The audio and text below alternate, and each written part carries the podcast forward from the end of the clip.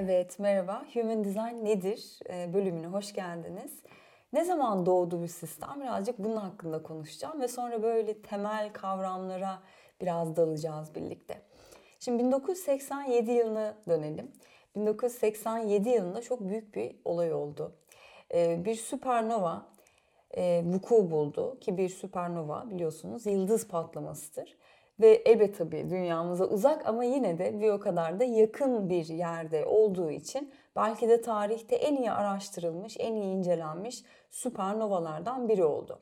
Ve bunu e, ilginizi çekiyorsa eğer süpernova 1987A diye e, birçok fazla makale, bilgi vesaire bulabilirsiniz internette bu konu hakkında. Ve e, bunu anlatmamın burada bir sebebi var. Çünkü bu süpernova olduğunda ki süpernovaların e, bazı özellikleri örneğin e, çok güçlü bir şekilde nötrino salgılıyorlar böyle bir durumda ve e, nötrino, nötrinoların etkileri hala araştırılıyor. E, işte gezegenimize, bedenlerimize vesaire etki yaratıyorlar mı, yaratmıyorlar mı, nasıl parçacıklar bunlar diye. Ama şöyle bir gerçek var ki 1987 yılında dünyanın birçok yerinde birçok insan mistik deneyimler yaşadıklarını bildirdiler. Ve bunlardan biri de Robert Allen Krakower'dı. Şimdi Alan Robert Krakower Kanadalı kendisi ve 1987'nin Şubat ayında Ibiza'da ses diye adlandırdığı bir deneyim yaşıyor. Yani sesle 8 gün ve gece mistik bir deneyimi oluyor. Ve ses ona Human Design sistemini aktarıyor ve kendisi bunu 8 gün ve 8 gece boyunca yazıyor. Ve e, bu deneyimden sonra artık Ra Uruhu adını kullanmaya başlıyor. Ve bir nevi Human Design'ın doğumu da bu şekilde oluyor. Şimdi Human Design sistemi e, sentez bir sistemdir. Dolayısıyla hiç hani yeni bir bilgi yok burada e, yeni bir bilgi yok derken gerçekten binlerce yıldır var olan birçok felsefi, spiritüel, ezoterik ve aynı zamanda bilimsel tabiata da sahip olan bir sistem. Dolayısıyla bilimsel tabiatına baktığımızda burada genetik var, kuantum fiziği, biyokimya ve astronomiden e, bilgiler alır ve teorisini kısmen e, bu alanlar oluşturur diyeyim ve bu alanlardan alınan bilgiler oluşturur. E, ezoterik yanını da Ayçin kitabından alır. Bunun hakkında zaten ayrı bir bölümde kapılar ve kanallar hakkında konuştuğumda uzun uzun anlatacağım. E, Ayçin kitabından yani Değişimler kitabıdır. Bu 4500-5000 yıllık bir kitaptır Çin'den gelen. E, bunun ötesinde Kabala, astroloji ve Hindu çakra sisteminden bilgilerini alır e, Human Design sistemi. Ve bütün bunların bir sentezidir. Çünkü bireye bütünsel bakan bir sistem. Dolayısıyla inanç sistemi değil kesinlikle. Burada inanmamız gereken hiçbir şey yok. Tamamen mekanik bir sistem. Hatta Ra'nın burada çok güzel bir e, cümlesi var. Hiçbir şey mistik değil, mekanik diye. E, bu demek değildir ki mekanik olan güzel olamaz. E, kesinlikle büyüyü elimizden almaz. Hayatın ne kadar mekanik olduğunu fark eden bir insan aslında o mekanizmanın içindeki güzellikleri de görebilir.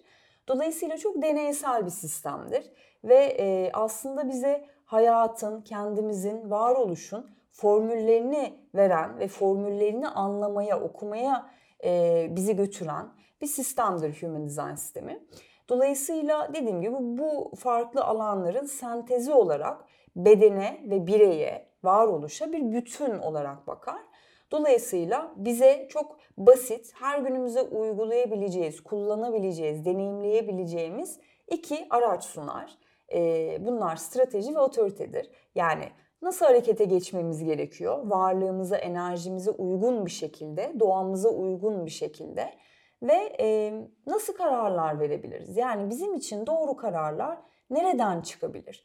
Ve bu iki araç sayesinde bir bütün olarak çok daha rahat hayatla birlikte akabilme şansına ve hayatın formüllerini aslında okumaya başlarız deneyimizde, sürecimizde.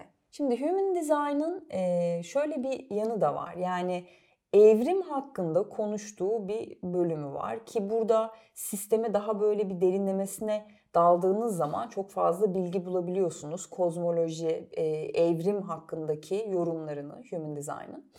Şimdi bunlardan biri ki en önemlisi insanlığın 7 merkezli bir varoluş biçiminden 9 merkezliye geçtiğinin altını çizer.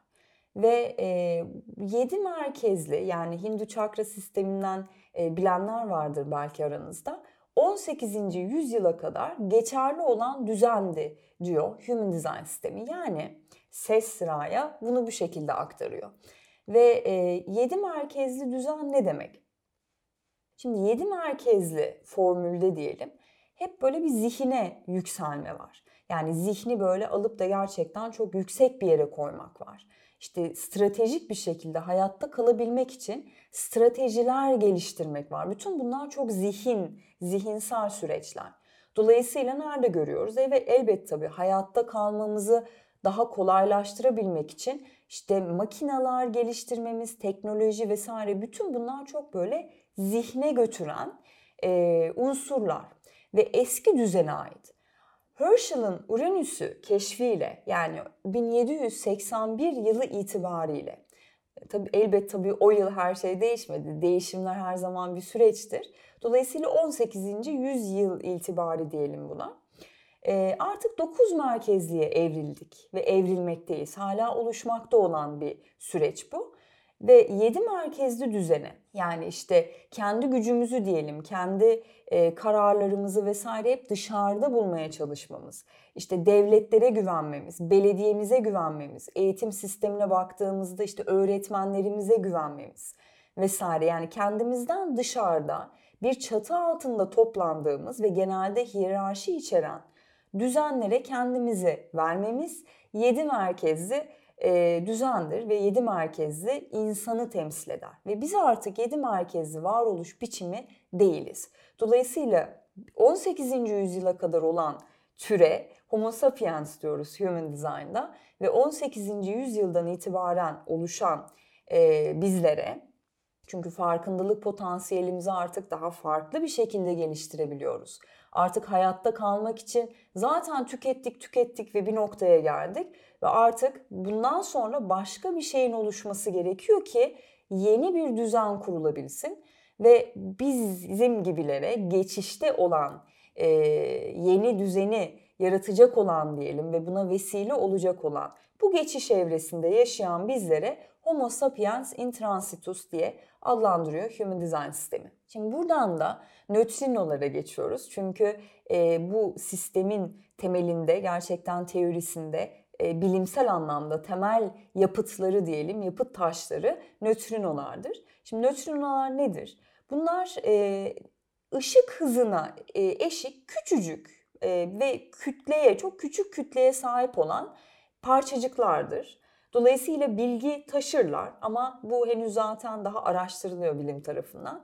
Ses en azından Ra'ya zamanında e, bunların bilgi taşıdığını ki 87 yılında nötrinolar biliniyor ama bir kütleye sahip oldukları e, henüz keşfedilmemiş oluyor. 92 yılında bu e, vuku buluyor. Dolayısıyla e, nötrinolara dayalı bir teoriye sahiptir bu sistem. Çünkü nötrinolar nerede buluruz? Mesela güneş nötrinolar, nötrino salgılar, e, süpernovalar az önce de bahsettiğim gibi. Yıldız patlamalarında muazzam e, nötrinolar salgılanır. Atmosfer nötrinoları vardır, izotop nötrinoları vardır. Yapay olarak bunlar üretilebiliyor mesela nükleer reaktörlerde.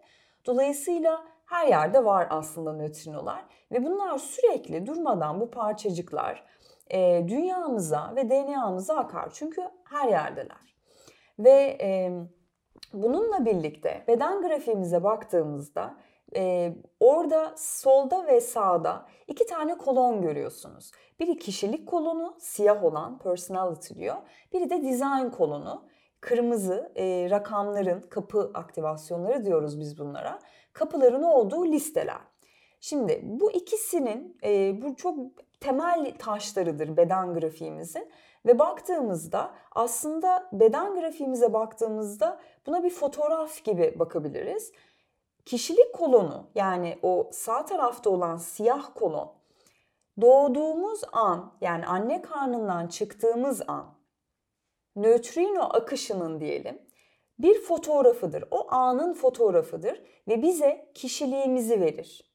Dolayısıyla kişiliğimize dair, kim olduğumuzu düşündüğümüze dair bütün özelliklerimiz kişilik kolonunda bulunur.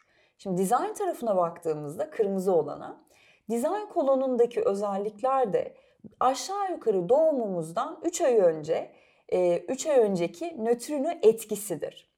Dolayısıyla 3 ay önceki genetik imprint, mühürdür yani.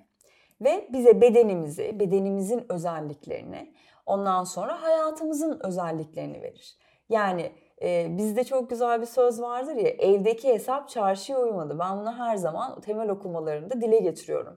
Kişilik kolonunu ev gibi düşünürsek, dizayn kolonu da çarşıdır. Yani evde düşündüğümüz, kim olduğumuzu düşündüğümüz yanımızla, zihnimizin yattığı yanla sürekli hayatlarımızı kontrol etmeye çalışıyoruz. Ama Human Design burada çok güzel bir pencere açıyor ve diyor ki bak hayatının kendine has özellikleri var. Sen çok belli bir hayat yaşamak için buradasın. Spesifik bir hayat yaşamak için tasarlanmış birisin.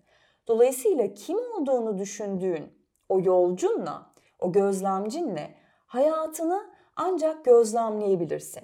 Zaten onu yaşamak için tasarlandığın için o hayatı yaşayabildiğin zaman ve buna şahit olabildiğinde gözlemcinle, evinle o zaman tatmin dolu, e, başarı dolu, huzur dolu ve neşeyle dolacaksındır. Çünkü bunun için tasarlanmışsın. Yani yerini bilmek gibi aslında biraz. Çünkü yerini bilen insan, bütündeki yerini görebilen insan zaten bütüne çok sağlıklı bir şekilde katkıda bulunmuş olur. Dolayısıyla bu iki tarafın birleşimi her birimizde mevcut, söz konusu.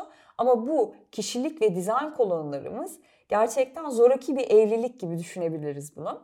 Ve bu iki tarafı da bir arada tutan bir yer var.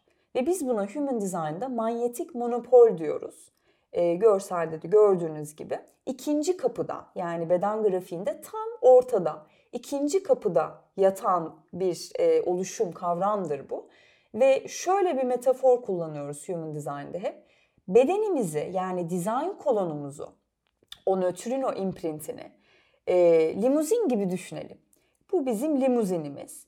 Ve bu limuzinin içinde giden yolcu ben diye adlandırdığım kişilik kolonunda yatan kim olduğunu düşündüğü Elvin ve bu ikisini bir arada tutan kişiliğimle bedenimi şofördür. Limuzinin şoförü yani manyetik monopol.